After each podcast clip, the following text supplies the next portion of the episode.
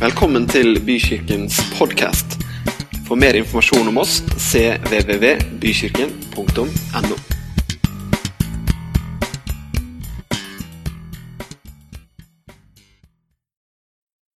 I 1820 så var det en liten jente som så verdens lys i Amerika. Bare seks uker gammel så blir hun forkjøla. Får en infeksjon i kroppen og mister synet i en alder av seks uker. Fanny Crosby, som har eh, skrevet denne sangen De prøvde å behandle henne, men hun forble blind. Faren hennes døde kort tid etter det. Så var hun der med mamma og med bestemor. Så begynte de å lese Bibelen for henne. Og i en alder av få år så lærte hun bok etter bok i Bibelen. Ca. fem kapitler i uka utenat. Hadde jo aldri kunnet lære å lese, hadde jo aldri kunnet studere. Men mamma og mormor leste Guds ord for henne. Hun kunne evangeliene når hun var ganske liten. Hun kunne salmene. Så en dag når hun er rett over 50 år, i 1873 Hun døde i 1915. Så er hun på besøk hos en god venninne av seg. Denne venninna setter seg til piano. Og så spiller hun en melodi som hun har laget. Og så sier hun til Fanny Hva sier denne sangen? Og så kneler den her blinde, voksne dama ned ved pianoet. Vi kneler ikke ofte lenger, men hun knelte i bønn til han som hadde holdt livet hennes oppe. Og så ber hun stille i noen minutter. Og så sier hun Blessed assurance. Jesus is mine. Salige visshet. Velsignede forsikring. Jesus er min. Så fortsetter hun, og så blir denne sangen til. Og ingenting imot den norske oversettelsen, men den engelske er enda mer kraftfull. Blessed assurance. Denne dama skriver over 8000 salmer og sanger i sin tid. Og du kjenner mange av dem. Du kan slå det opp når du kommer hjem. Salige visshet. Jesus er min det bar henne gjennom livet. Og hun ble jo gammel også. Du kan jo regne ut sjøl fra 1820 til 1915. Det skulle bli omtrent 95 år. I dag så har jeg lyst til å dele noe med dere som handler om akkurat dette. Tusen takk, Kenneth og gjengen, for at dere kan ta ønskesanger fra pastoren på sparket. Jeg har jobba litt med denne teksten som jeg skal dele med dere, og så tenkte jeg plutselig på morgenen i dag Da, da kom liksom bare den sangen som, som egentlig bibelverset handler om. Det er nemlig noe med en sånn visshet Det er en sang av det kanskje litt sånn spesielle slaget. Mange Jeg, jeg la merke til i sidesynet at noen av dere våkna når den sangen kom sa ikke at dere sov, men dere våkna på en sånn litt spesiell måte. Det kan være ulike ting. Det kan være at gode minner kommer fram, men det kan også være at man i sitt indre kjenner seg så igjen i ordene i den sangen. Går det an å ha en sånn type visshet som man kan kalle for en salig visshet? Jeg skal komme litt tilbake til det ordet. Men du hørte jo at på engelsk så er det 'velsignet'. Kan vi midt i en verden som vi lever nå, som kanskje er mer urolig enn det vi i hvert fall i vår, på vår del, halvdel av kloden har opplevd på lenge, kan vi ha en type salig visshet? Kan vi ha den der forsikringen som hun kom med, det som hjertet hennes talte når hun knelte ned og ba? Salige visshet, altså. Jesus er min. Hvilken Hvilket statement, altså hvilken proklamasjon i, en, i, i et liv som var prega av så mange vanskeligheter. Det var jo ikke det støtteapparatet det skjønner du jo, ikke sant, på 1820-tallet i USA, når, når, et barn ble født med et stor, stort handikap. Men mamma og mormor ga henne det beste de kunne. De ga henne noe, og det de gav henne, det skapte noe i henne som gjorde at hun kunne si salige visshet. Jesus, han er min. Salig er jo ikke akkurat det ordet vi bruker mest i det norske språk, men vi bruker det. Vi bruker det som en beskrivelse når noen kanskje er litt sånn eh, lykkelig over det man tenker på som vanlig lykkelig. Vi snakker om det som en sånn tilfredshet. Vi snakker i bibelsk sammenheng mer som den gleden man har, den, den tilfredsheten man har i sitt indre, som ikke baserer seg på ytre omstendigheter der og da, men som nettopp baserer seg på hva Jesus har gjort. Kan vi ha den salige vissheten? Kan vi ha den opplevelsen av Guds rike i oss her og nå? Eller er det bare noe som kommer i evigheten? I den første salmen i Bibelen så står det Salig er den mann som ikke vandrer etter ugudeliges råd, og som ikke står på synderes vei eller sitter på spotterens sete, men heller har sin lyst i Herrens lov og grunner på Hans lov dag og natt. Han skal være lik et tre som er plantet ved strømmer av vann, som gir sin frukt i sin tid, og som har blader som ikke visner. Og alt han gjør, skal lykkes. Lykke, det er et ord vi gjerne vil eie mer enn i ordforrådet. Lykke er noe vi vil oppleve. Men jeg tror det er snakk om en lykke som overgår de umiddelbare omstendighetene. Men det er helt klart at Gud han ønsker at det skal lykkes for deg og meg. Visste du det? Han ønsker at det skal lykkes. Han ønsker at det skal gå oss godt. Han ønsker at vi skal fullføre vår epoke her på jord og toge inn i evigheten og være der sammen med Han. Salig er den mann som ikke vandrer etter ugudeliges råd, og som ikke står på syndernes vei eller sitter på spotternes sete, men heller har sin lyst i Herrens lov og grunner på Hans lov dag og natt. Han skal være han skal være hva da? Han skal være lik et tre som er planta med vann, som har løv, som ikke visner, og som gir frukt.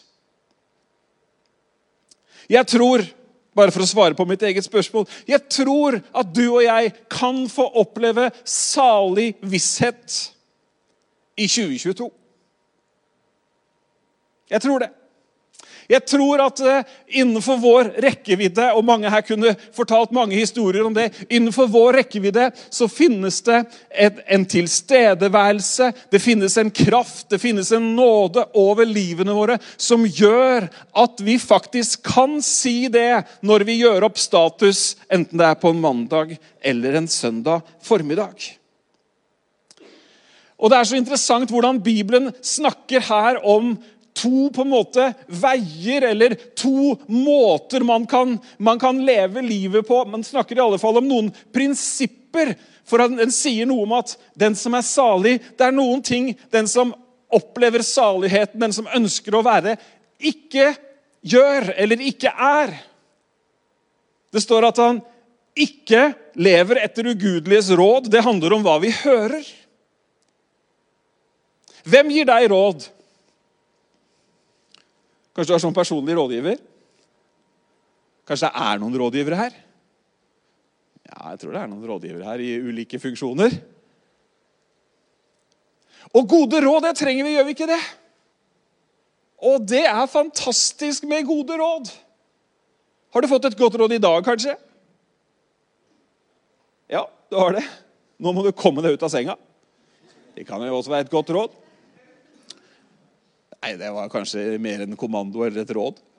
Men det kunne jo være eksempel, hvis ikke du står opp av senga nå, så Ikke sant?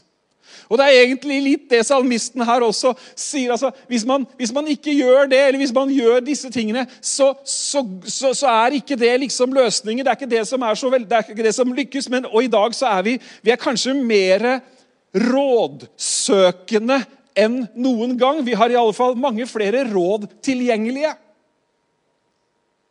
Altså, Jeg gikk jo gjennom barneskolen uten Google.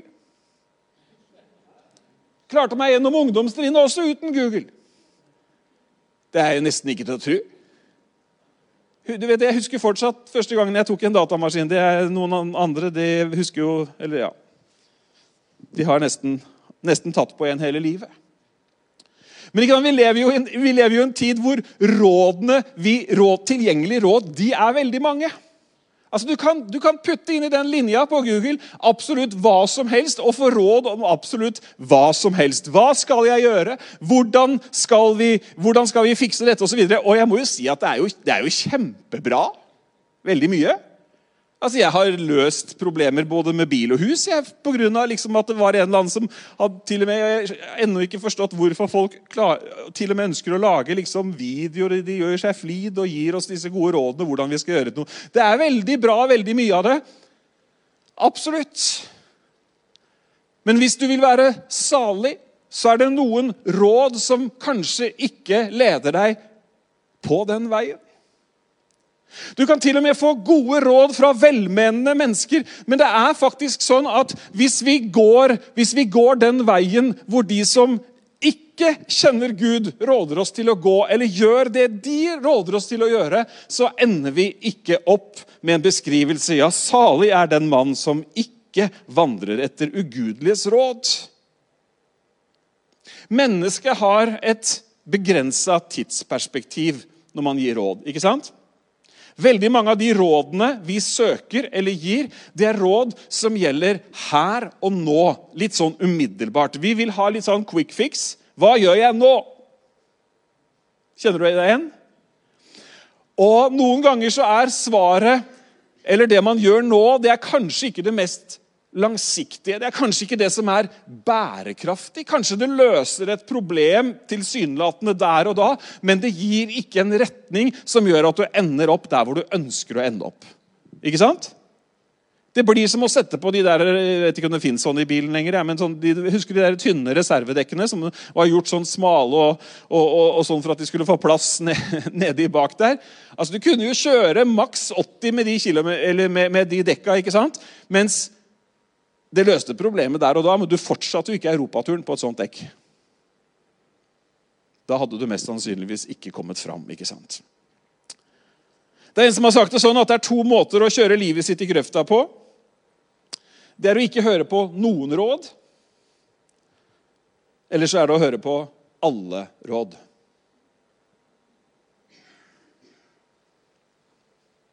Det er slitsomt hvis du spør altfor mange til råds. Noen ganger kan det være fint eh, i, en, i, en, viss eh, eh, kontekst hvor, hvor, en problemstilling skal belyses og få mange råd osv. Men hvis du spør veldig mange, så må du også være forberedt på at du får veldig mange forskjellige råd. Og så er det en forskjell, dere, og det tror jeg alle vet, men jeg har likevel lyst til å minne oss på det. Det er en forskjell på den visdommen som et menneske besitter, og den visdommen som er fra Gud. Det er stor forskjell på det. Den visdommen som vi får tak i gjennom Bibelen, det er en annen visdom enn det mannen i gata kanskje kommer med. Og så er det også sånn at hvis vi beveger oss bort fra ugudeliges råd, som er ordet som brukes her, til gudfryktige menneskers råd, i dem finnes liv. I dem finnes håp. I dem som, så, så finnes det framtid og gode løsninger som gjør at vi faktisk kommer videre på den veien som vi er ment å skape. Dårlige råd, ikke, le, ikke leve etter ugudeliges råd, det handler om å høre. Det handler om å ta imot det som kommer. Og Jeg tror at vi har en utfordrende hverdag som troende når vi har så mange råd og meninger og, og ting å høre på som lett eh, gir oss råd, eller som lett skyver oss i en retning. Det andre som står her, salig er den mann som ikke går på synderes vei. Én ting er jo å høre det som ikke er rett og godt Guds ord, etter Guds ord, etter hans standard. Noe annet er å begynne å leve det. Og det tredje som han snakker om her, er jo å begynne å gjøre det. For én ting er altså du, hører, du, hører, du, ikke høre, du bør ikke høre på rådet, og du bør heller ikke leve på samme måten som de som ikke kjenner Gud. Jeg tror at vi kan være positivt annerledes i vår kultur. Vi kan ha en standard som ikke er å gjøre akkurat det som alle de andre gjør, men vi kan ha en standard som handler om hva sier Gud om dette? Og det kommer vi tilbake til. Det tredje som han snakker om her, er å sitte i spotteres sete. Og Der tror jeg mange liksom hopper av. Hallo, jeg har vel aldri sittet i en spotters sete. Hva i all verden betyr det å sitte i spotteres sete? Har du tatt stolen til en, som spotter? Nei, altså Hvis du sitter i noens sete i denne språkdrakten, så har du inntatt den posisjonen at du er og gjør det som den personen gjør. Så glem det setet litt. Men altså, det å havne i en situasjon hvor man, hvor man blir sittende der og spotte Å spotte betyr å snakke nedsettende om og, og motsi. Og nå tror jeg ikke at det er ikke så mange som på en måte Hvis du, hvis du tenker på Jesu tid, ikke sant, så ble han beskyldt for å være en som spotta Gud. For å være blasfemisk fordi at han sa at han sjøl var Gud, og dermed degraderte Gud, dermed sa noe galt om Gud osv. Men hvordan, hvordan er det mennesker kan ende opp som spottere i dag? Hva er en, hva er en spotter? Tror det kan handle om mange ulike ting, men det handler om at vi kan som mennesker havne der i livet at vi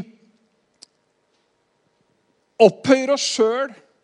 Vi sier ikke noe opphøyer meg sjøl', men vi gir våre egne meninger, våre egne synspunkter. Vi gir de en høyere autoritet, eller vi gir de forrang for hva Gud egentlig har sagt i sitt ord. Og så blir vi oppblåst på egen kunnskap.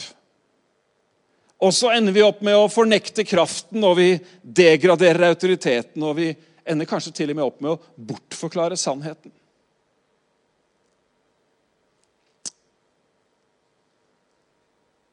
Salig er den mann som ikke sitter i spotternes sete.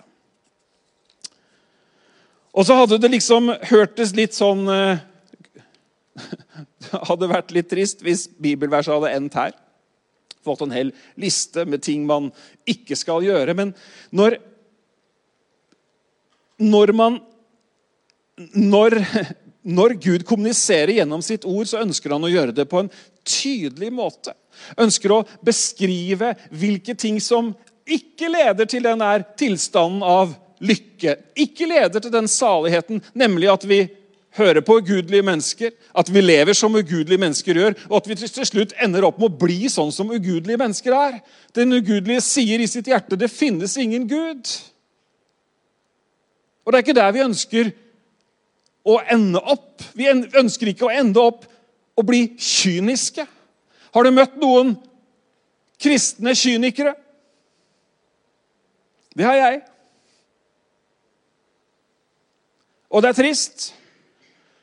Men de inntar en posisjon og de inntar en argumentasjon, og de har, de har, en måte å snakke på om andre kristne, om evangeliet, om kirken og det hele, som virkelig er bare å spotte alt sammen.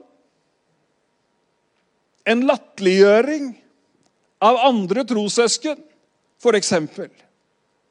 En tydelig ovenfra-nedholdning som ikke er søskenkjærlighet på noen som helst måte. Samme hvordan du definerer det. Det eneste som kommer ut, er liksom sure oppstøt om hvordan ting burde ha vært, hvordan alt egentlig eh, ikke skulle ha endt opp der, og det ene og det andre. Og til slutt så spotter de egentlig det som de faktisk sjøl en gang har vært med på.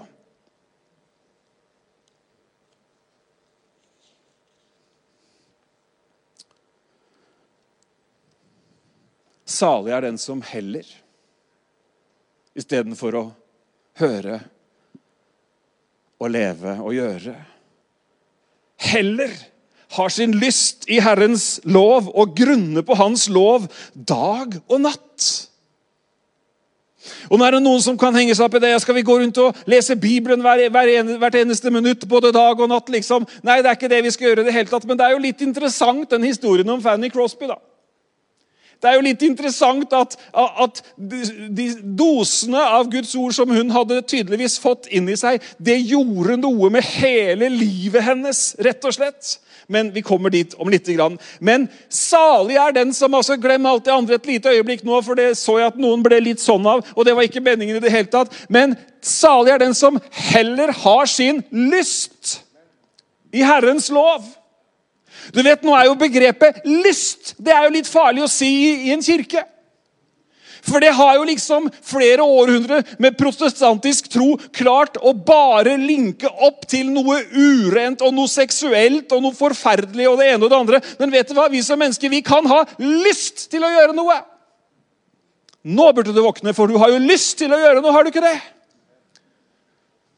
Heller har sin lyst i Herrens ord. Jeg snakka ikke om heller skal inn i et regime med 40 bibelleseplaner per år. og dere. Nei, den som har sitt, sin lyst i Herrens lov.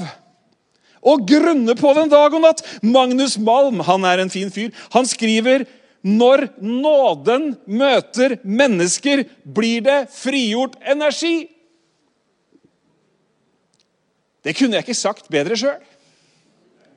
Takk skal du ha, Magnus Mann. Når nåden møter mennesker, så blir det frigjort energi. Du vet at Når vi møter Guds nåde, Guds godhet mot oss, da blir det en energi, og den energien kan du godt kalle lyst. Jeg har lyst til å tjene Gud. Vi har, vi har på bekostning av Altså, vi, vi, har liksom, vi har fremmet og framsnakket alt som handler om plikt. Du må. Du skal. Det er din plikt. Og jeg tror vi må ha en balanse mellom lyst og plikt. det er ikke det jeg snakker om. Men vet du hva? her sier han altså med den som heller har sin lyst i Herrens lov. Ja, men er Herrens lov noe å ha sin lyst i? Bli med meg her. Så kan du tenke sjøl om dette er noe som vekker lyst i deg.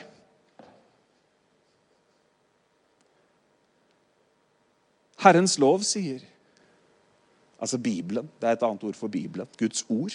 Sier det er ingen fordømmelse for dem som er i Kristus Jesus. Ah. Fikk du lyst til å høre mer nå? Kan dere ikke snakke litt med meg? Det er så mørkt, jeg ser dere ikke, så dere må i hvert fall si noe. Kan godt få bitte litt mer lys også. så bare liksom, Ikke det at det er noe gærent, men det er bare Ruth Karin og Torgeir jeg ser der. Og så er det Are. Se her! Hei, Elisabeth! Er du her òg? Anne Og det her er jo det Rune òg. Ja, se her, du! Det er jo folk her. Jeg syns det ble litt tynt når disse unge gikk med. Så, og så kom jeg opp og tenkte ja, det var virkelig tynt, men det er jo mange her.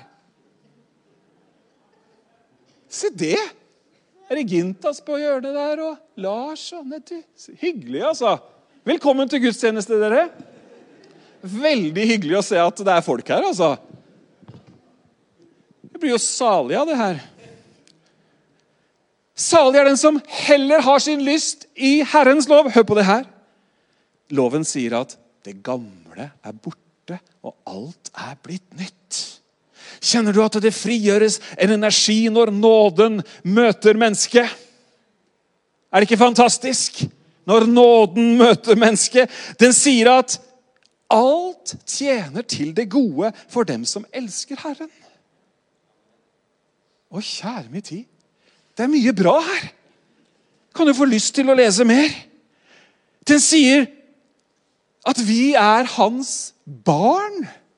Og så stopper han ikke der. og sier, Er vi barn, da er vi også hva da? Arvinger.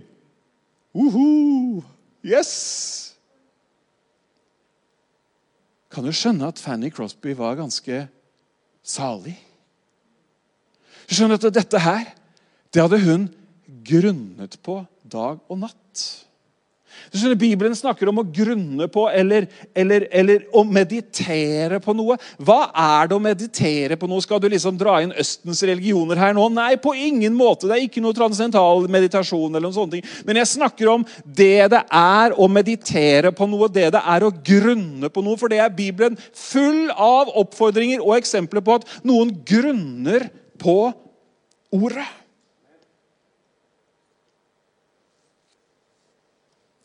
Grunne betyr, hvis du skal ha en litt sånn folkelig definisjon, det betyr å koble seg mentalt på det man leser. Sånn du, ikke sånn som når du leser leseleksa.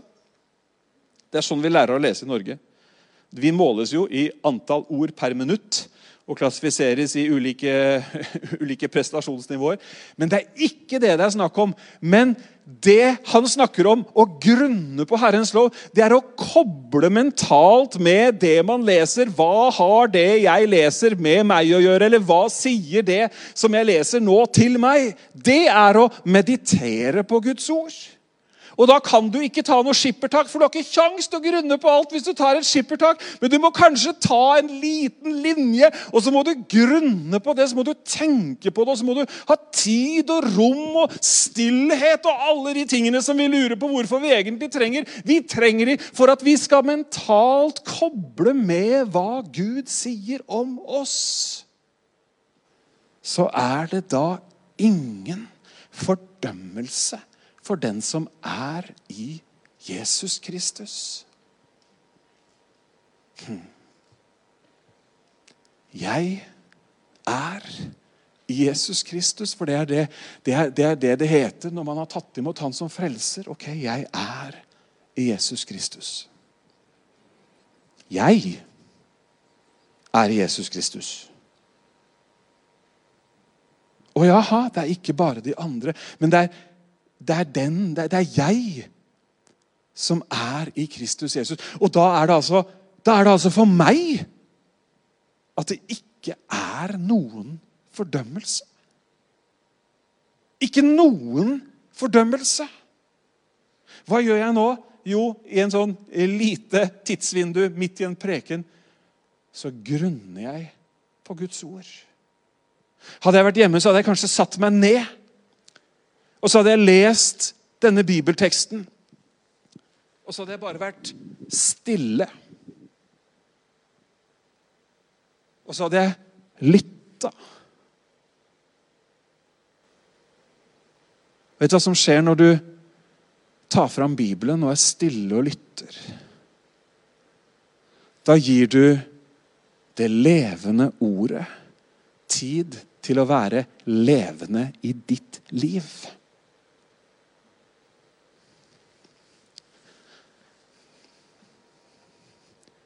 Jeg kunne ønske at noen hadde fortalt meg noen av disse tingene når jeg var yngre. Midt i bibelleseplan eller det ene eller det andre. Men jeg merka det allerede som gutt. At jeg kunne lese. Og så var det noen vers som jeg kjente at jeg liksom stoppa litt opp for. Som jeg da med min barnslige tilværelse liksom syns at var litt mine. Så hvis det var noen andre som leste de når vi var på leir, eller et eller annet, så, det er jo liksom mitt vers.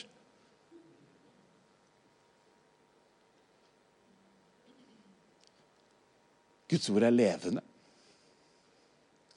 Det står i Bibelen at Det er nyttig til overbevisning og til lærdom. Det er nyttig til, det er nyttig til en det er, nytt, det er nyttig. Paulus skriver til Timoteus det er nyttig. Det trengs. Det har en nytte. Det gjør noe med oss. Og det vi snakker om at det gjør med oss i dag, er at det fører oss inn i en salighet som gjør at vi sier Kjære min tid, Jesus er jo min. Det var ikke en søndagsskolesang hun gjentok. Det var jo en overbevisning og en fylde i hennes innerste, innerste menneske. Så når hun i stillhet ba 'Hva er det du sier i denne musikken, Gud?' så bryter hun ut 'Jesus, du er jo min'. Det er en byggestein å bygge livet sitt på. Det er å høre Gud inn i livet sitt på en sånn måte at det kan komme det som komme vil. Du vet at 'jeg er hans', Jesus er min, og jeg er hans. Du vet at 'jeg er elsket', for det står der. Jeg har lest det, det har talt til mitt indre. Jeg har grunna på det. Det er mitt, og det er stødig, og det blir stående. Amen salige visshet. Og Ikke fordi alt ser så fantastisk ut rundt meg akkurat nå. Ikke fordi at jeg kan slå meg på brystet og si at jeg har fått til alt og lykkes med alt og livet er på stell og alt er glansbilder. Nei, overhodet ikke det. Det overgår det. Det er en salig visshet. Jesus, han er min. Jeg er hans. Han har frelst meg. Han elsker meg.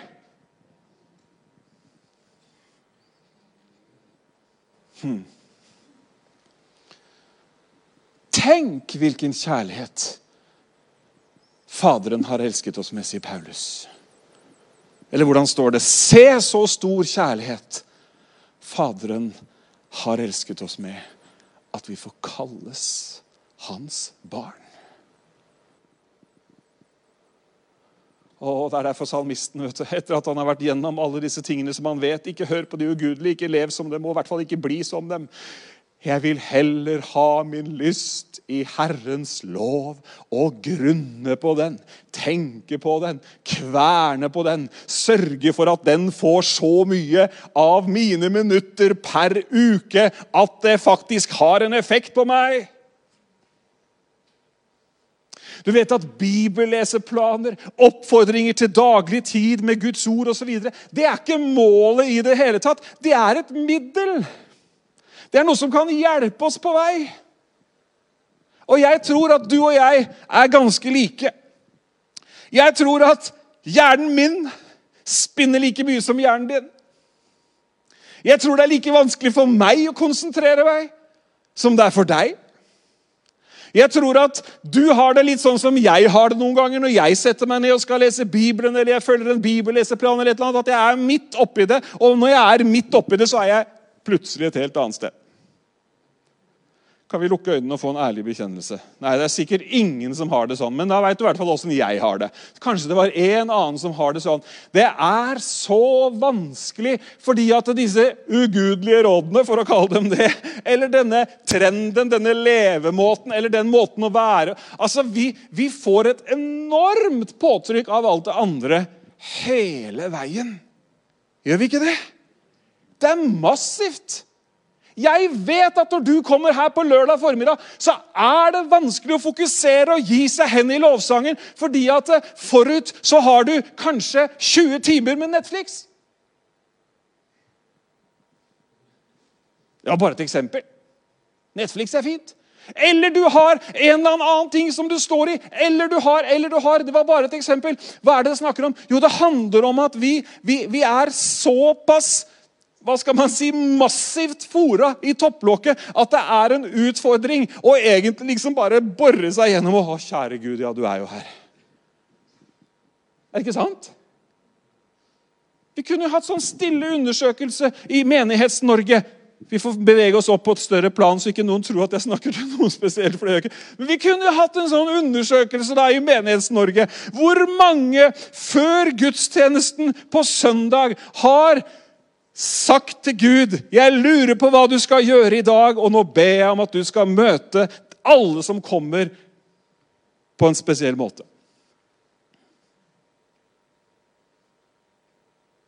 Syns du jeg er slem? Ja, Det kan du synes.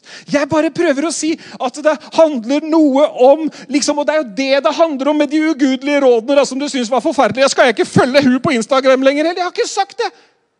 Men det kan jo hende at når du bruker litt tid på å grunne, så får du ikke tid til å følge så mange. Og fytti katta mye rart de man følger, sier. Og så kan du, du gå rundt og tro. Og det snakker Bibelen om også, at det er egentlig ikke så lurt. Du kan jo gå rundt og tro at ingenting av det jeg ser, påvirker meg. Jeg snakka med noen kule karer. Jeg kan se hva som helst. Påvirker meg ikke i det hele tatt. Nei vel, da er du unik i menneskeheten. Du burde møte opp og få en eller annen medalje og bli satt i et monter. Da er du helt unik. Vi påvirkes i ulik grad. Vi påvirkes u, det tar, det tar, altså Noen kan du jo snu på en femøring, mens andre må jo bruke fire år før de har bestemt seg for at kaffetrakteren skal flyttes til den andre benken. Altså, Vi er jo vi, vi, vi, For all del, vi er ulike. Men vi snakker om 'salig er den mann', den dame. Mann betyr bare menneske. vet du. Salig er det mennesket som ikke ta, ta, ta, men heller har sin lyst i Herrens lov og grunner på den dag og natt.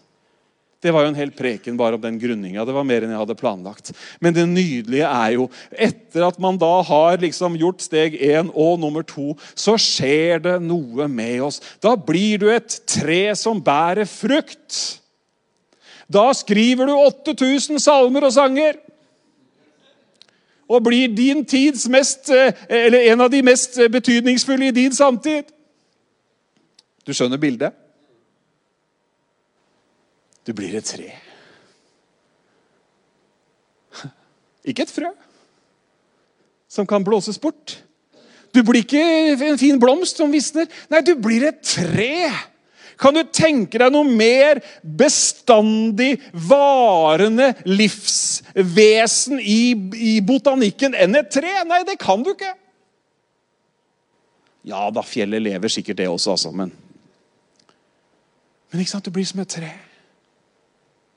Et tre som er planta ved siden av vann. De er grønne. Får næring. Får næring fra grunnen, for den grunner. Den fikk du gratis.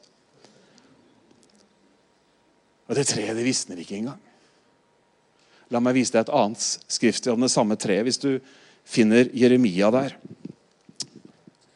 Det som er fint med at det er veldig mørkt i salen, at jeg ser ikke hvor mye klokka er. Så jeg har vel holdt på ca.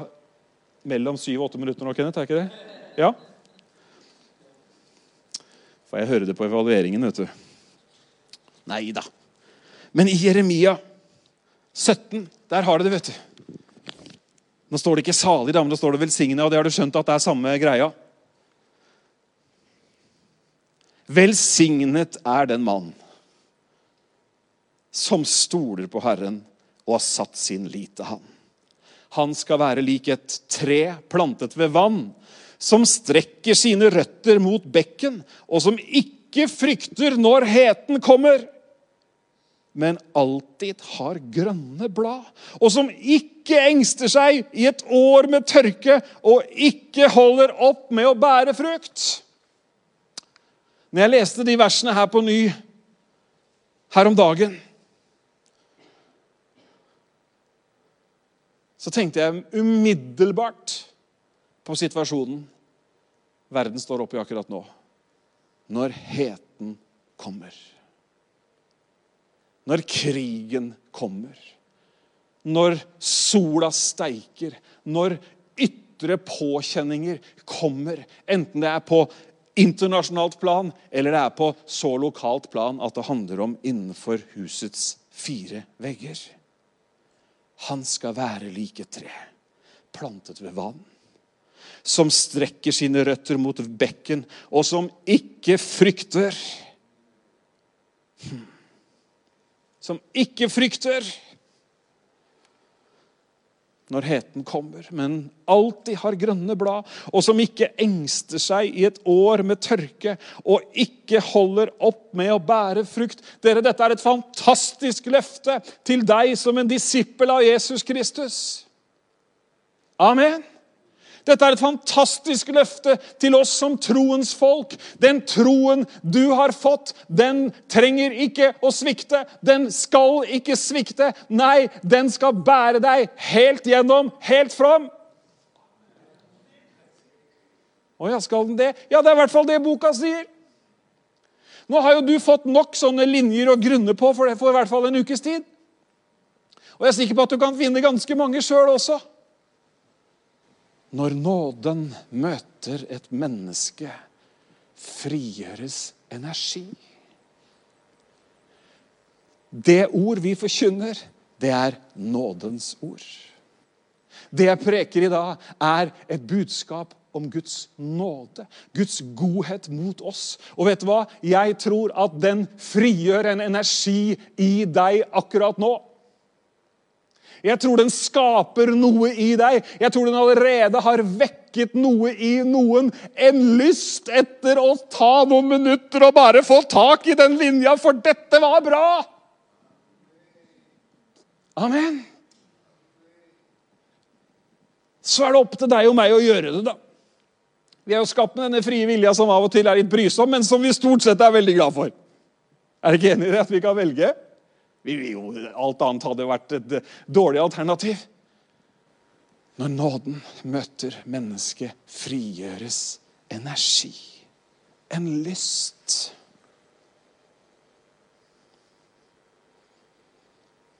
En lyst til fellesskap med andre troende. En lyst til å bruke tid med Gud i bønn. En lyst til å lese Hans ord. En lyst til å ta det livgivende som han har inn i våre egne liv.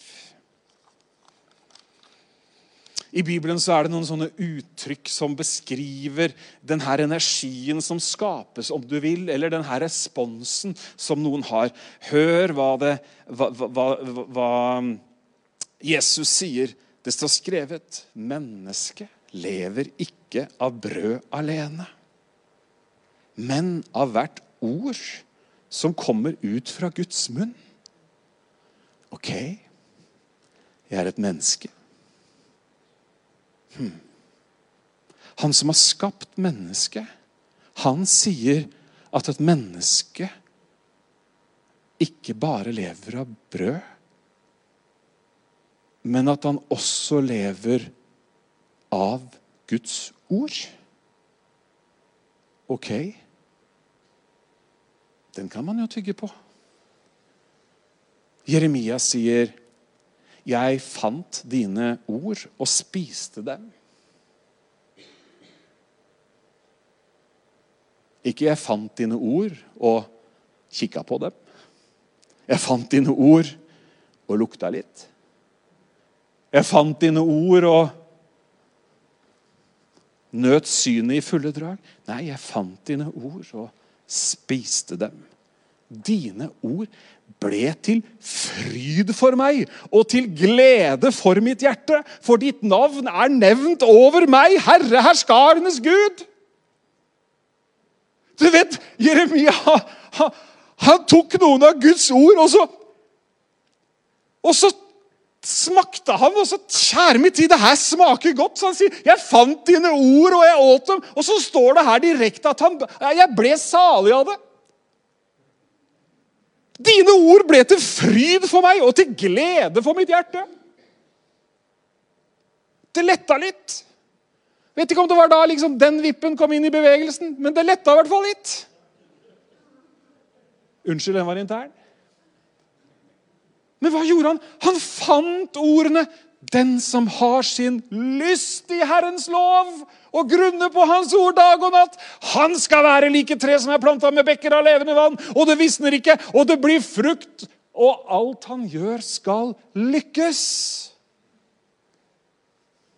Lykkes i det store perspektivet. Lykkes i å bevare troen. Lykkes i å vinne seiersprisen. Lykkes i å tilbringe evigheten sammen med Gud i himmelen.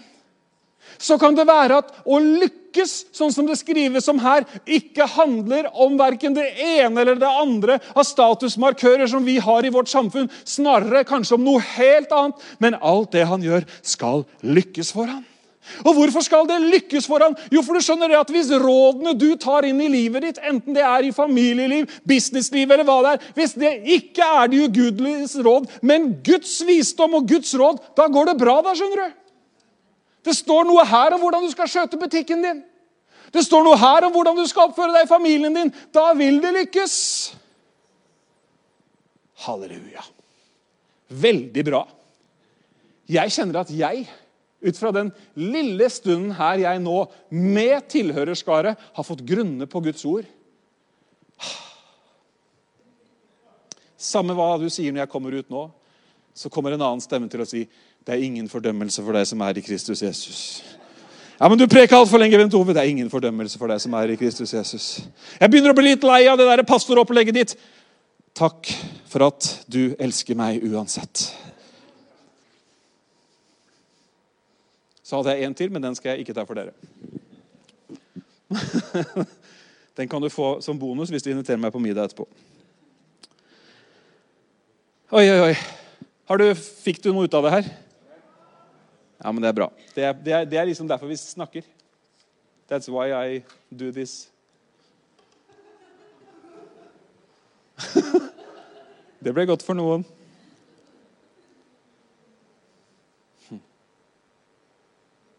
Ser du en liten sammenheng mellom Forrige søndag var jo en søndag for seg sjøl, men ser du en liten sammenheng mellom de to siste søndagene?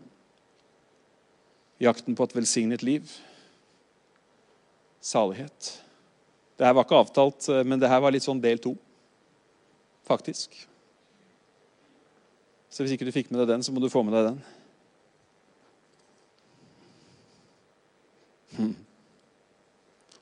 Men heller har sin lyst i Herrens lov.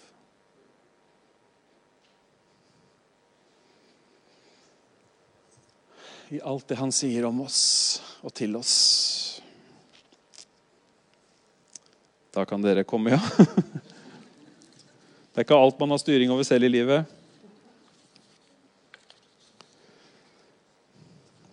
Vi reiser oss opp. Nå har vi sittet så lenge.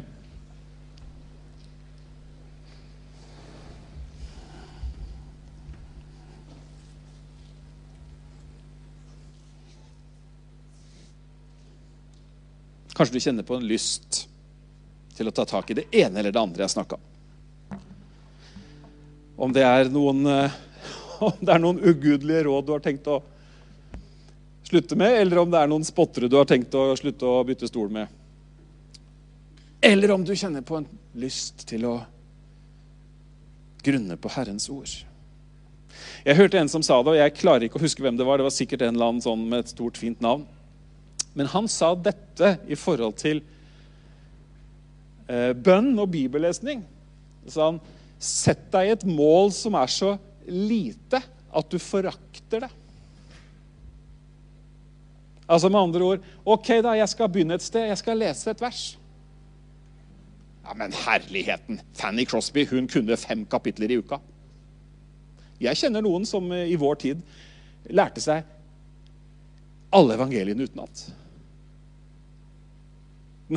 Det er jo ja, noe Vi kan riste på huet, men, men, det er bare morsomt, det er morsomt å liksom se hvilken kapasitet vi har. Og så er det jo ikke en konkurranse om å memorere, men, men kanskje noen her bare setter seg et mål Men jeg skal faktisk grunne på det der, da. Og Hvis du trenger å finne noen fine steder å, å grunne på, så kan du enten kan du bruke en, en bibelordbok, eller så kan du spørre meg eller noen andre. eller et eller annet, og er det jo så nydelig hvis vi i ukene framover til og med kan få noen sånne freshe historier. Og folk som har grunna på noe. Og så har det liksom tatt tak i dem, og så Oi, dette bar meg jammen gjennom, altså. Hadde ikke vært fint? Kan vi ikke ha en liten deal på det? da? At, du, at, at jeg ikke må liksom eh, lete med lys og lykte, men at når du vet hva, det der hadde vært så, så, så er det ulike settinger. Noen, noen ting passer på en søndag, noen ting passer på en medarbeidersamling, noen i life-gruppa, ikke minst. Ta det med dere. Ok? Skal vi be sammen? Takk for din godhet, Herre. Takk for den salighet som du ønsker at vi skal få leve i. Med din nærhet og dine løfter. Og med ditt ord og med din ånd. Som blir sånne elementer som bærer oss og styrker oss. Gir oss kraft for en halv dag eller en hel dag eller en uke. Akkurat det vi trenger. Sånn som dagen er, sånn kommer også styrken fra deg til å være. Takk, Herre, for den lysten, Herre, som vekkes etter å tjene deg, etter å gå med deg. Lysten til å følge deg. Om det kanskje blir motstrøms, om det kanskje blir helt annet enn det trenden sier. Å, så har du lagt ned en lyst, Herre. Etter å gå med deg. Takk for hver eneste en som er her nå. Å, Herre, vi er her med liten fartstid og lang fartstid. Men vi er alle på en vandring. Vi er alle på vei videre. Vi er alle beveger oss alle mot deg. Bli lik deg. Takk for det du gjør i hjertene våre nå. Takk for det du skaper i vårt indre. Takk at alt skjer, Herre, mens du omslutter oss med din kjærlighet. Takk, far. Amen. Skal vi synge sammen, og så gjør vi det sånn som vi pleier å gjøre. Vi stenger bak der sånn for å bevare litt ro, og så er det mulig å gå bort på siden her og bli bedt for.